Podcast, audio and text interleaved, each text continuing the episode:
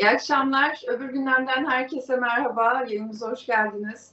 Koç hoş geldin. Hoş bulduk. Bu, bugün e, Ukrayna'yı konuşacağız ikinci kez. İlk konuştuğumuzda e, savaş başlayalı henüz saatler olmuştu. İkinci günündeydik. E, şimdi üç haftayı geride bıraktık. Dördüncü haftadayız. Aslında kimse bu kadar e, uzamasını da e, tahmin etmiyordu belki. E, beklentilerin çok ötesinde şeyler yaşanıyor. E, Rusya bu süre içerisinde Ukrayna hedeflerine yönelik e, binden fazla füze saldırısı gerçekleştirdi. E, Birleşmiş Milletler'in raporuna göre bu saldırılarda 850'den fazla sivil hayatını kaybetti. E, 115'i çocuk. E, saldırılar sonrasında 3 milyon 300 binden fazla Ukraynalı da ülkesine terk edip komşu ülkelere e, iltica etmek zorunda kaldı. Ülkenin dört bir tarafında saldırılar var. E, Donbas'tan başlamıştı ama e, Polonya sınırına kadar dayandı. Hani dört bir taraf ateş altında aslında. Kiev'de hala kuşatma altında. Tüm bunlar olurken e, çözüm içinde e, bir takım yoğun mesailer harcanın, harcanıyor. Üç haftada dört tur e, müzakere yapıldı.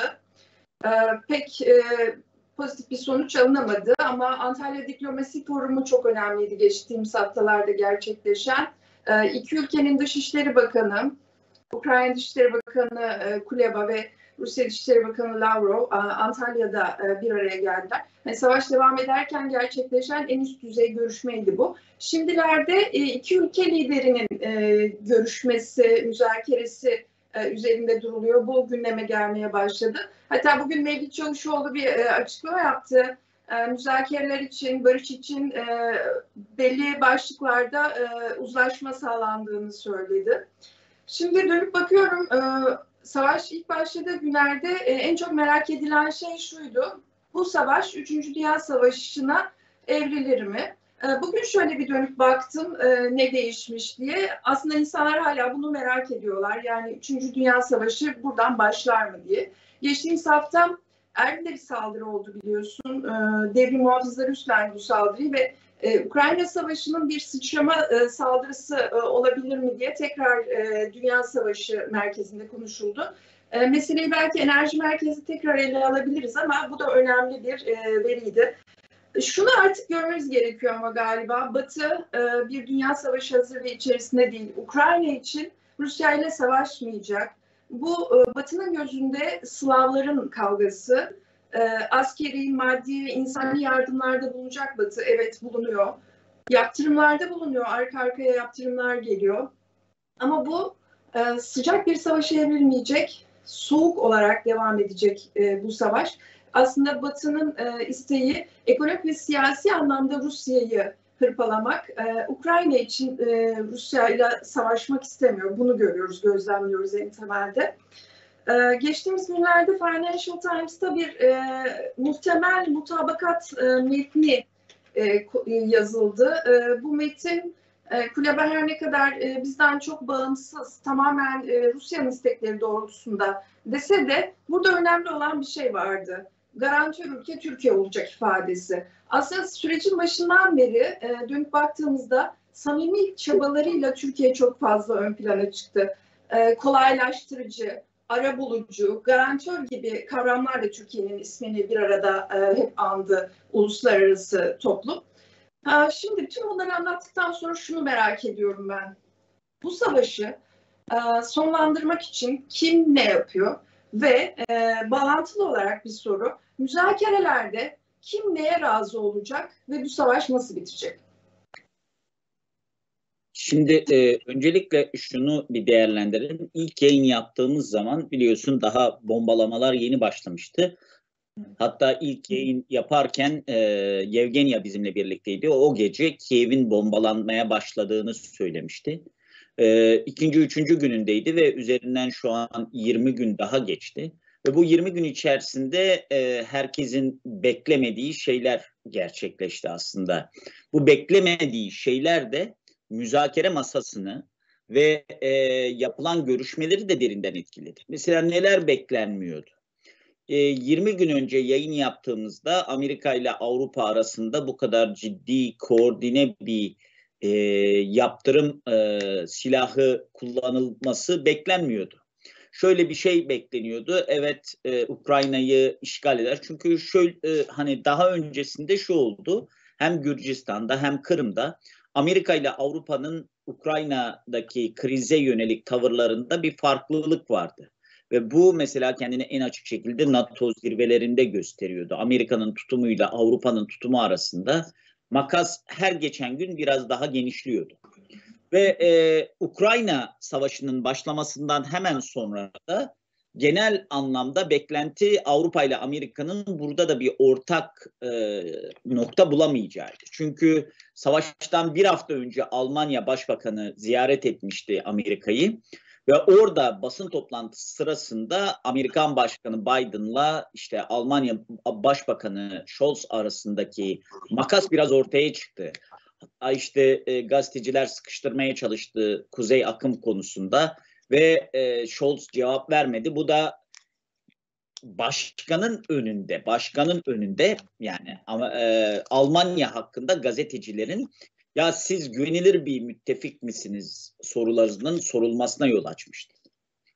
Savaştan hemen sonra 3-4 gün sonra aslında çok koordine bir şekilde e, cevap oluşmaya başladı. Belki de Soğuk Savaş'ın sonrasından itibaren ilk kez Avrupa Birliği ile Amerika arasında bu kadar koordine bir dış politika uygulaması gerçekleşti. Ve hani savaş meselesinde tica neredeyse ekonomik savaş ilan edildi Rusya'ya. Yaptırımlar hatta birçokları tarafından nükleer opsiyon olarak adlandırılan SWIFT e, yaptırımı da getirildi.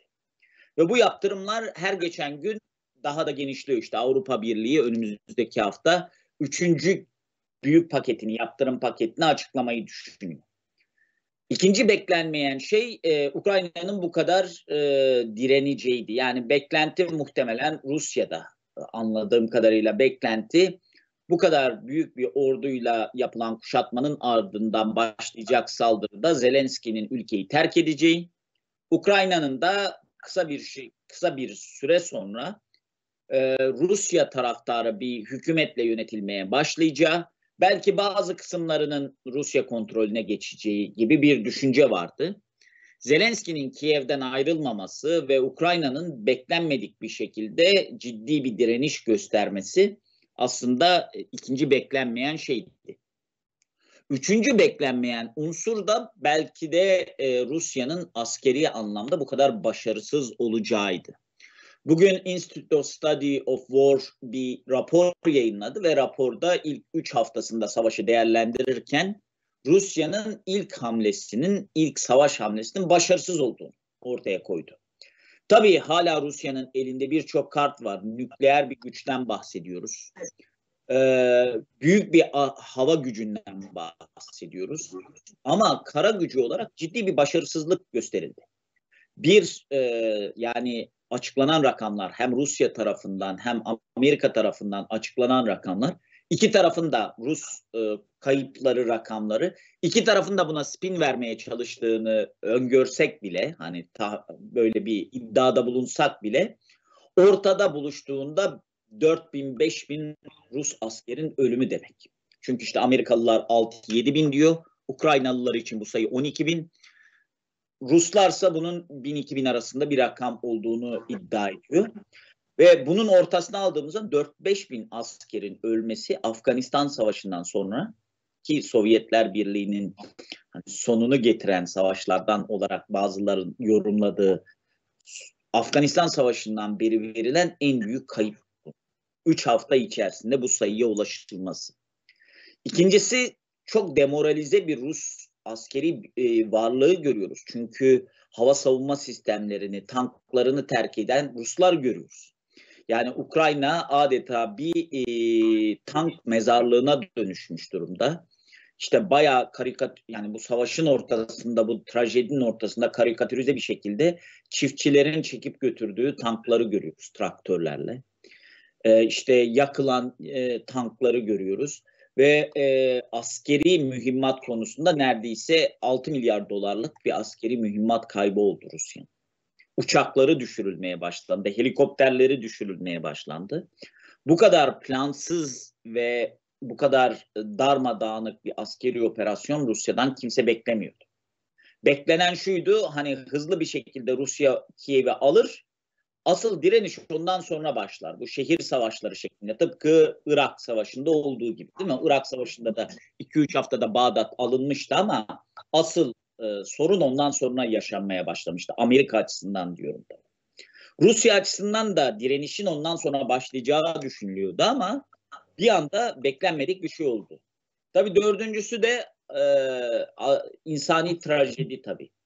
Çok kısa bir zaman içerisinde 3 milyondan fazla Ukraynalı mülteci var. Hı hı. Ve bu sayı hızla artıyor ve bu sayının daha da artmasından bazı Avrupa ülkeleri oldukça e, rahatsız, e, endişeli. Tabi burada Suriyeli mültecilerle Ukraynalı mültecilere gösterilen çifte standardında altını çizemeden e, değil mi? Bundan evet. bu, bu sohbeti bitirmemek lazım. Çok korkunç bir e, tabii Ukraynalılara yapılan doğru e, belki Türkiye'nin Suriyelilere gösterdiği yaklaşımdı savaş sırasında. Ama keşke Avrupalılar da e, mültecileri e, genel anlamda hani daha tutarlı bir yaklaşımları olsaydı Suriyeli mültecilere de aynı yaklaşımı gösterseler. Gösterseler. Evcil hayvanlarına bile e, misafirperverlik gösterdiler. Dikkatini çekmiştir Kılıç. Ya ta, tabii şimdi yani biz e, bu aylan bebek zamanında sınırlarda yaşanan Suriyeli mültecilere karşı gösterilen tavırları biliyoruz yani. Hani gördük bunu. Değil mi? O dikenli teller şey yapılması, ülkelerin ya kabul edelim mi, edilmeyelim mi diye edelim mi edi, etmeyelim mi diye referandumlar yapması neredeyse İngiltere'nin Avrupa Birliği'nden çıkmasına sebep oldu bu. Ve bugün İngiltere evine işte insanların Ukraynalı alabileceğini çok doğru bir yaklaşım. Ama işte e, bu da e, bir şekilde gösterilen çifte standart aslında insanlık adına utanç vericiydi. Ee, ama inşallah hani bu işten de bir şey öğrenmişlerdir. Yani savaştan kaçan insanların dini, ırkı, rengi olmadı. Değil mi? Bu insanların hepsinin canlarını kurtarmak için bu savaştan kaçtığı bu çok önemli bir şeydi. Tabii bunun ekonomik yansımaları bundan sonra daha fazla tartışılacak. Seninle programdan önce konuştuğumuz gibi elbette yaptırımlar Rusya açısından oldukça yıkıcı yaptırımlar oluyor her ne kadar işte Putin 600 milyar dolar e, bir döviz rezervi bulunsa da altın rezervlerini artırmış olsa da sanıyorum bu kadar koordine ve sert yaptırımları beklemiyordu. Ve bu yaptırımların bir kısmı direkt e, halkı da hedef alan yaptırımlara dönüştü. İşte kredi kartı sistemlerinin kapatılması, McDonald's'tır, bazı şirketlerin e, çıkması Rusya'dan çıkmayan şirketlere ciddi bir e, yaptırım e, hani böyle toplumsal baskı uygulanması bu da uzun vadede şunu gösteriyor. E, hani şunu da bir taraftan tabii şimdi soruna geleceğim. Müzakereler devam ediyor işte Belarus'ta müzakereler devam ediyor. Antalya Diplomasi Forumu'ndaydık orada gündemi oluşturan aslında Lavrov'la Kuleba'nın görüşmesiydi. Ama bunların hepsi sürerken yaptırımların da devam etmesi şöyle bir şey ortaya çıkarıyor. Yani acaba e, yaptırımlar hani e, müzakere gerçekleşse, Ukrayna'da savaş dursa, hatta bütün Ruslar Ukrayna'dan çıksa da yaptırımlar ortadan kalkacak mı? E, bu aslında bu noktadan sonra çok ciddi bir soru ve aslında Rusya için çok ciddi bir soru. Ben burada bir araya gireyim hani soruya tekrar döneriz e, müzakereler meselesine. Dün Lavrov'un bir açıklaması vardı. E, yaptırımlar konusunda dünya rekoru kırılmış. 5000'den fazla yaptırım uygulanmış Rusya ve Lavrov diyor ki biz bunları zaten bekliyorduk.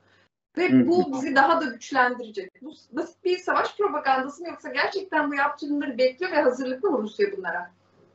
Bence bir kısmına e, Kırım Savaşı'ndan itibaren hazırlıklıydı. Yani Kırım Kırım'ın işgalinden itibaren. 2014'te Kırım'ın işgalinden sonra ne oldu? Koordine şekilde yaptırımlar uygulandı.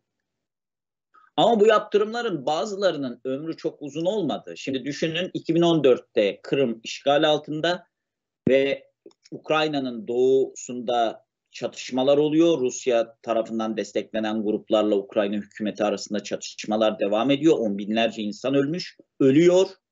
2019 yılında Avrupa Konseyi Rusya'yı üyeliğe geri kabul ediyor. Ve e, hani bir şekilde oradaki savaş ve Kırım meselesi unutuluyor. Ve unutulmak isteniyor.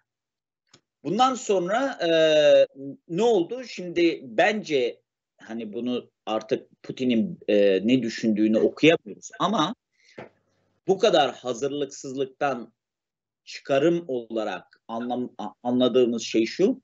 Putin muhtemelen Ukrayna'ya karşı böyle bir operasyondan sonra da yapılacak yaptırımların sınırlı olacağını ve Rusya ekonomisine sınırlı bir etkide bulunacağını düşünüyor.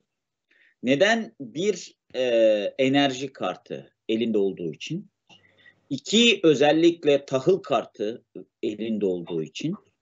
Üç Covid'den çıkan yeni çıkmakta olan dünya ekonomisinin Covid'in yaşattığı resesyondan kurtulmaya çalışan dünya ekonomisinin böyle bir süreçte özellikle ara malları konusunda çok önemli olan ham maddeler konusunda çok önemli olan Rusya gibi bir ekonomiyi sistemden çıkarması veya yaptırım uygulaması durumunda oluşabilecek yeni bir küresel ekonomik resesyonu göze alamayacağını düşünüyordu muhtemelen. Dördüncüsü de Avrupa ile Amerika arasındaki makası görmüştü. Özellikle kuzey yakın ki yani Biden'ın e, ve Amerika'nın uzun yıllardır dile getirdiği, Almanya'nın direndiği evet. durumda muhtemelen hani e, Avrupa ile Amerika arasında böyle bir makas oluşacak. Amerika yaptırımlar uygulayacak, çok da etkili olmayacak diye düşünüyor olabilir. Çünkü şu kimse tarafından tahmin edilemiyordu. Yani muhtemelen e, hani en iyi projeksiyon yapanlar bile Almanya'nın bir anda bu kadar şahinleşeceğini, kuzey akımı kapatacağını, askıya alacağını, dahası e, sav- bütçesindeki savunma harcamalarını yüzde ikinin üzerine çıkaracağını, 100 milyar dolar savunma bütçesi ayıracağını ve dahası Ukrayna'ya silahlı ya silah yardım yapacağını kimse muhtemelen tahmin edemiyordu. Çünkü Almanya'nın Rusya ile ekonomik ilişkileri yüzünden bu konuda Rusya konusunda şahin olan her politikaya bu yeni başlamış bir şey değil. Obama döneminden beri sürekli direten bir ülkeydi. Şöyle düşünün. Kuzey akımı projesi başladığından beri Avrupa Amerika'nın bazı rezervleri var bu konuda. Ve kanalın yani boru hattının yüzde 95'i tamamlanmış durumda. Evet. Yani yüzde 95'e kadar gelene kadar herhangi bir şey uygulamayan Almanya'nın aniden bu tavrı alacağı ki yani bence Alman Başbakanı'nın e, mecliste yaptığı bu Ukrayna konuşması Avrupa politikası açısından belki de son 30-40 senenin en önemli konuşmasıydı. Almanya'nın yeniden bir askeri güç olarak ortaya çıkmaya başladığını da gösteriyor. Dolayısıyla bunların hiçbirini bence tahmin edemedi e, Putin. Özellikle yani normal bir e, hani o tabii Putin'in istihbaratı var, her şeyi var bu konuda. Bilgi kaynakları çok geniş. Ama normal gözlemciler olarak biz Scholz'un Beyaz Saray'daki basın toplantısından sonra Scholz'un iki hafta sonra bu konuşmayı yapacak dese birisi kimse inanmazdı. Ve e, belki bunu Amerika sessizce planladı. Buraya hani bu e, Rusya'nın yapacağı e, operasyona karşı. Çünkü şöyle de bir şey vardı hale. E, o hani Rusya'nın operasyonu başlamadan itibaren neredeyse bir ay önceden Amerikan medyasına, Amerikan istihbarat kaynaklarından sızıntılar yapılıyordu. Ve bu sızıntılar sürekli işte Rusya'nın Ukrayna'yı işgal edeceğiyle ilgiliydi.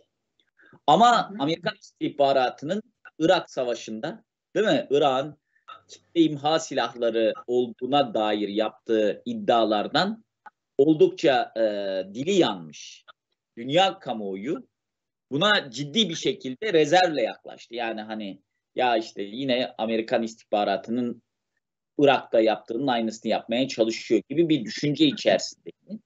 Belki yani bu bu bu süreçte tabii e, Amerikan istihbaratına olan güven de arttı. Şimdi mesela istihbaratın e, sızdırdığı bazı haberler işte Rusya'nın Çin'e daha önce haber verdiği gibi haberler çok daha fazla dikkatle ele alınır oldu. Muhtemelen Putin hani bunu takip ediyordu ama bu biraz önce ifade ettiğimiz dört meseleyi ve yaptırımların bu kadar e, sert bir şekilde çünkü yaptırım dediğimiz Rusya gibi bir ülkeyle yapılan yaptırım yaptırım yapanı da ciddi bir şekilde etkileyebilecek yaptırımlar. Bunları göze alacağını muhtemelen düşünmüyordu ama şu andan itibaren muhtemelen e, özellikle savaşın bu ilk safhasından sonra ciddi bir şekilde fikir e, hani oyun değiştirici bazı hamleler yapacağını görebiliyoruz. Ee, uluslararası toplumun barış konusunda çok yoğun bir baskısı var. Müzakere süreçlerini etkileyecek mi? Bu konuda ne düşünüyorsun? Bir de şeyi çok merak ediyorum. Ee, Zelenski'nin e, Batı'dan üç talebi oldu. E, ilki bizi e, Avrupa Birliği'ne alın, e, yanıt olumsuz. Sonra NATO'ya alın, ondan da olumsuz yanıt geldi. Hava sahasını kapatın, ondan da olumsuz yanıt geldi. Bunlar zaten hani bugünden yarın olacak şeyler değildi. Zelenski de aşağı yukarı tahmin ediyordur bunlardan olumsuz yanıt alacağını. Fakat e, müzakerelerin e, tıkanmasına sebebiyet veren Kırım gibi bir mesele de var. Yani üç hafta öncesine dönmek ve önceki sorunları sonra konuşmak e, daha makul değil mi? Bir de e, bu e, savaşın uzaması e, Rusya'yı e, müzakere masasında nasıl zor durumda bırakıyor? E, mevcut tabloda e, masa çözüme yaklaşıyor mu gerçekten? Şimdi tabii hani şöyle bir şey var. Burada özellikle Ukraynalılar için en önemli şey ateşkes. Çünkü bombalar altında yaşayan ve her gün şehirleri saldırıya uğrayan halk Ukrayna halkı. Evet. Ve muhtemelen Ukrayna halkı için e, bu trajedinin son bulması için ateşkes çok önemli.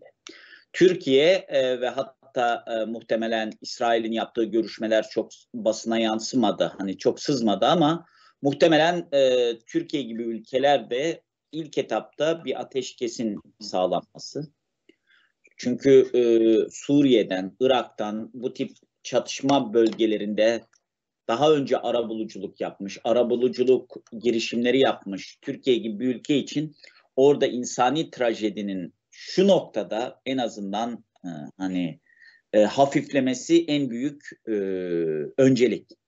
Evet. E, ondan sonra bir konuşma ortamı olduktan sonra hani insani trajedinin bitmesinden sonra yeni bir sürecin, diplomatik sürecin başlaması önemli. Ama burada e, şöyle bir de durum var. Batı yani Avrupa'nın, Amerika'nın yaptığı yaptırımların Rusya için önemli olan etkisi şu. Putin için de çok e, artık e, bunu varoluşsal bir noktaya getirmiş durumda. Çünkü Putin'in şimdi şu, şöyle söyleyeyim 4000-5000 Rus askeri öldü diyor ve e, e, Rusya ekonomisi ciddi bir şekilde etkilendi diyoruz. Ve Putin'in ve Rusya'nın karizması çok ciddi bir şekilde çizildi burada. Uluslararası anlamda çizildi ama bunun kamuoyuna da bir yansıması var. iç kamuoyu. İç kamuoyu evet. Ondaki rahatsızlık. Evet. Rusya iç kamuoyuna Putin'in kendisinin anlatabileceği ve kabul ettirebileceği bir çıkışın sağlanması lazım ki burada şu an için e, öyle bir çıkışı görmüyoruz. Yani Putin gittikçe agresifleşiyor. Hele geçen hafta bu yaptığı televizyonda yaptığı konuşmada kullandığı dil e, aşırı agresif. İlk kez Putin'i bu kadar kontrol dışı gördük. Değil mi? Putin'in yaptığı konuşmada özellikle yurt dışında yaşayan bazı Ruslara karşı, Rus vatandaşlarına karşı kullandığı ifadeler korkunç ifadelerdi. Ve Putin'i biz e, bu kadar kontrol dışı hiç görmemiştik. Hani ekranlar karşısında böyle görmemiştik. Ama bu aslında orada da e, büyük bir sıkıntının yaşandığını gösteriyor. Ve Putin gibi liderler için bunun iç kamuoyuna açıklanma süreci oldukça önemli. Onun için müzakerelerde şu an için ortaya çıkan somut bir şey yok.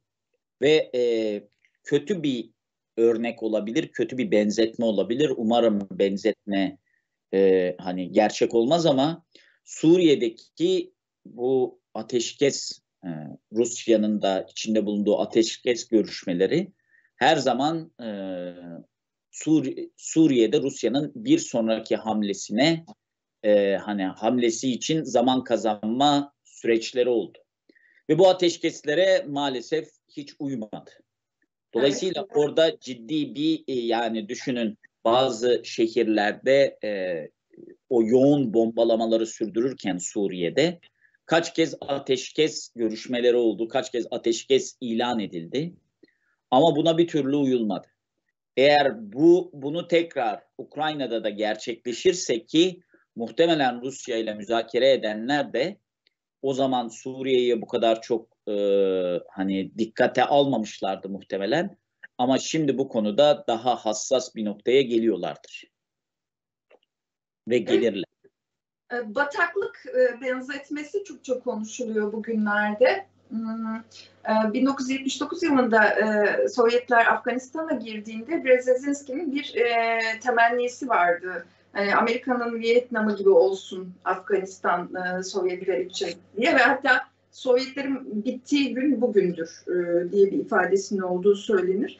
Ee, hatta şimdi Rusya'nın da bitişinin Ukrayna bataklığına saplanması gibi bir benzeştirme yapılıyor. Kodlar ne kadar doğru bilmiyorum. Yani Afganistan hükümeti o dönemde Rusya'yı çağırıyordu ama bugün e, Ukrayna hükümeti çok ciddi bir direnç gösteriyor. Böyle bir ayrışma var. Ayrıca e, bu yabancı savaşçılar meselesi e, gündemde. Wagner güçleri oraya sevk edildi Ukrayna'ya Zelenski de bütün dünyaya çağrıda bulundu. Bütün dünyadan gönüllüler buraya gelsin dedi. Ayrıca siviller e, silahlandırılıyor. Yani çok ciddi bir e, e sokak savaşı, bir vekalet savaşı, e, bir asimetrik savaş orada doğarsa bundan kim kaybedecek? Yani e, Rusya e, bu noktayı hesap etti mi etmedi mi? Ukrayna bunun için ne düşünür? İki şey bir bu bataklık mı olacak değil mi henüz bilmiyoruz. Çok erken tabii bu savaş için. Ama şunu çok açık görebiliyoruz. Putin başladığı yerden daha zayıf bir noktada bırakacak bu savaşı. Yani Putin e, hem ekonomisi hem diplomatik anlamda üzerine gelen izolasyon değil mi? Yani BM e, Genel Kurulu'ndaki oylamada hı hı. sadece 4-5 ülkenin e, o tarafta olması bunu en büyük göster göstergesiydi. Rus ekonomisi de, Rus askeri de, Rus lideri de muhtemelen başladığı noktadan daha zayıf bir noktada bitirecek. Bunu artık neredeyse insanlar görebiliyor. Bataklık mı olacak değil mi? Bu daha uzun bir süreç. Çünkü 3 hafta savaşlar için çok da uzun süreçler değil. İkincisi yani savaşın komplikasyonu şu hani komplike olduğu nokta şu farklı savaşları bir an bir arada görüyoruz. Yani ilk kez bu kadar aktif olarak görüyoruz. Bir taraftan savaşın ilk günlerinde bir siber savaş oldu biliyorsun. İşte Ukrayna web sitelerine karşı, Ukrayna hükümetinin e, e, serverlarına karşı. İkincisi bir enformasyon savaşı görmeye. Ukrayna'ya yardımıyla Rusya'daki bazı e, istihbari sızıntıların basına yansıması, e, Putin'in yaptığı konuşma o 55 dakikalık konuşmada savaşı anlatma çabası. Bir taraftan bir enformasyon. Bir taraftan ekonomik bir savaş görüyoruz. Yaptırımları, yaptırımlar yoluyla. Öte taraftan senin söylediğin gibi vekalet savaşı görüyoruz bildiğin Amerika açık bir şekilde işte geçen hafta 800 milyon dolarlık bir askeri yardım paketini onayladı. Almanya'dan Finlandiya'sına herkes Ukrayna'ya silah verdiğini söylüyor ve bu silahlar mesela o Javelin antitank e, e, füzeleri, antitank silahları YouTube'da neredeyse her askerin sırtında bir tane e, her vurdukları e, tankın YouTube videosunu şeye yüklüyorlar ve o silahların nereden geldiği az çok belli. Dolayısıyla bir taraftan bir vekalet savaşı. Öbür taraftan senin dediğin gibi bir de paralı asker boyutu var. İşte e, şey, oradaki Kadirov'un, Çeçenler de demek istemiyorum Kadirov güçleri orada. Evet evet onu ayrıştırmak lazım. Kadir, Kadirov güçleri ondan sonra Wagner. Bu bir e, hani paralı asker boyutu. Öbür yandan da doğuda özellikle Ruslara, Rusya'ya yakın olan grupların oluşturduğu milis güçler var. Bir taraftan da milislerin savaşı oluyor.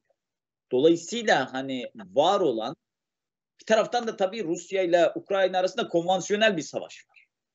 Var olan tüm bildiğimiz hani literatürde olan savaş şekillerinin farklı boyutlarda ve farklı şekillerde bir coğrafya içerisinde aynı anda yaşandığını görüyoruz. Zaten hani e, kafa karıştırıcı olan da bu oluyor. Yani kimin hangi cephede daha iyi oynadığını bazen bilemiyoruz. Evet Rusya şehirleri bombalıyor. Ee, belki de Suriye'de yaptığı gibi şehirleri boşaltıp oraları e, elde etmeyi daha kolay hale getirmeye çalışıyor. Kontrol etmeyi. Ama bir taraftan da enformasyon savaşında Rusya bu savaşı kendi halkına dahi tam olarak anlatamamış görünüyor. Anlatamadı evet. Değil mi? Evet. Yani şöyle bir şey Kırım Savaşı'nda hani Kırım'ın iş, ilhakın işgalinde çok büyük bir destek varken Var. şu an Rusya'da savaş karşıtı gösterileri görüyoruz. Ve e, hani onları da takdir etmek lazım. Hani Rusya içerisinde olup savaş karşıtı gösteri düzenlemenin şu dönemde ne kadar riskli, ne kadar e, hani tehlikeli bir şey olduğunu bilmelerine rağmen bunu yapıyorlar. Çok sayıda gözaltı da var. Muhalifler artık toplanmaya binlerce, binlerce gözaltı var. Dolayısıyla hani e, savaşın farklı boyutlarında işte Rusya evet ilerliyor, daha yavaş ilerliyor. Ama kayıp sayısına bakıyorsun 1'e 3 Rusya daha fazla kayıp veriyor. Ve bunların hepsi uzun vadede hani e, bir Rusya'yı etkiliyor. iki de elbette bunu Çin de izliyor bir tarafta. Değil mi? Yani Çin'de e, şimdiye kadar son 15-20 sene içerisinde özellikle Batı'nın, NATO'nun bu kadar dağınık olması, işte NATO'nun beyin ölümü gerçekleşti gibi söylemlerden sonra işte bu hafta biliyorsun Cumhurbaşkanı Erdoğan da Brüksel'e gidecek. NATO zirvesi var. NATO zirvesinde Perşembe günü bir anda NATO'nun bir anda hareket ettiği bir şey görüyoruz.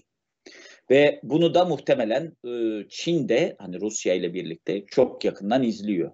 Dolayısıyla e, beklenmedik şeyler görüyoruz. Bu savaşın bu kadar komplike savaş hani e, meydanlarının oluşturduğu, cephelerin oluşturduğu bir savaşta öbür taraftan da büyük güç mücadelesine ciddi bir etki edebilecek e, yönünü görüyoruz savaşın. Dün bir e, CIA, e, eski bir CIA üst düzey yetkilisinin açıklaması vardı, görmüşsündür.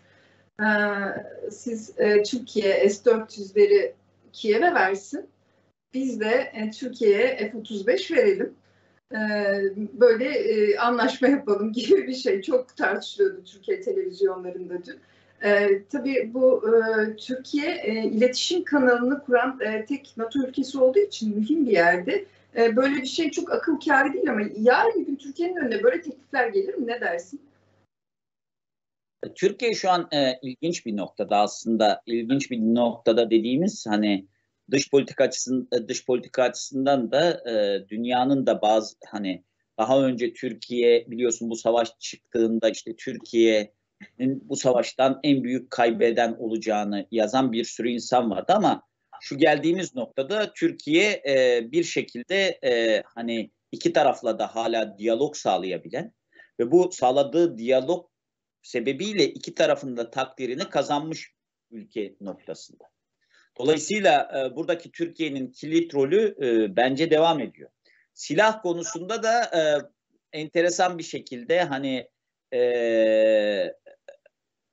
S-400'ü e, S-400 hava savunma sistemlerini Ukrayna'ya verme karşılığında F-35'in önerildiğine dair veya verilebileceğine dair haberleri ben Türkiye'nin şu noktada çok da hani e, ciddiye alacağını düşünmüyorum. Yani e, burada şu var, e, bütün dünya aslında şu savaştan sonra Türkiye'nin jeopolitiğini, Türkiye'nin önemini biraz daha anlamış durumda. Ve e, Türkiye'nin bu önemini ve NATO için ne anlama geldiğini ispatlaması için bir başka hamle yapmasına da bence gerek yok. Bu noktada e, F-35'lerden çıkarılma zaten son derece Türkiye'ye karşı e, hoş olmayan, çok da adil olmayan bir şeydi. E, bu noktada e, başka bir şart bence gözetmeksizin Amerika'nın eğer böyle bir şey düşünüyorsa F-35 programına Türkiye'yi yeniden dahil etmesi gerekiyor.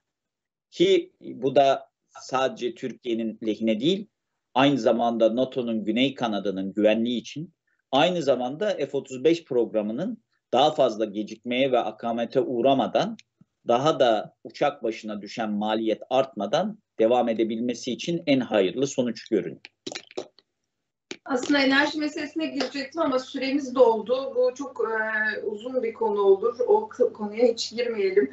E, ateşkesin kalıcı bir şekilde tesis edilmesi için ve diplomasinin kazanması e, temennisiyle programımızı bitirelim. Çok teşekkür ediyorum Kılıç Ağzına sağlık. E, bir sonraki öbür dönemde görüşmek üzere.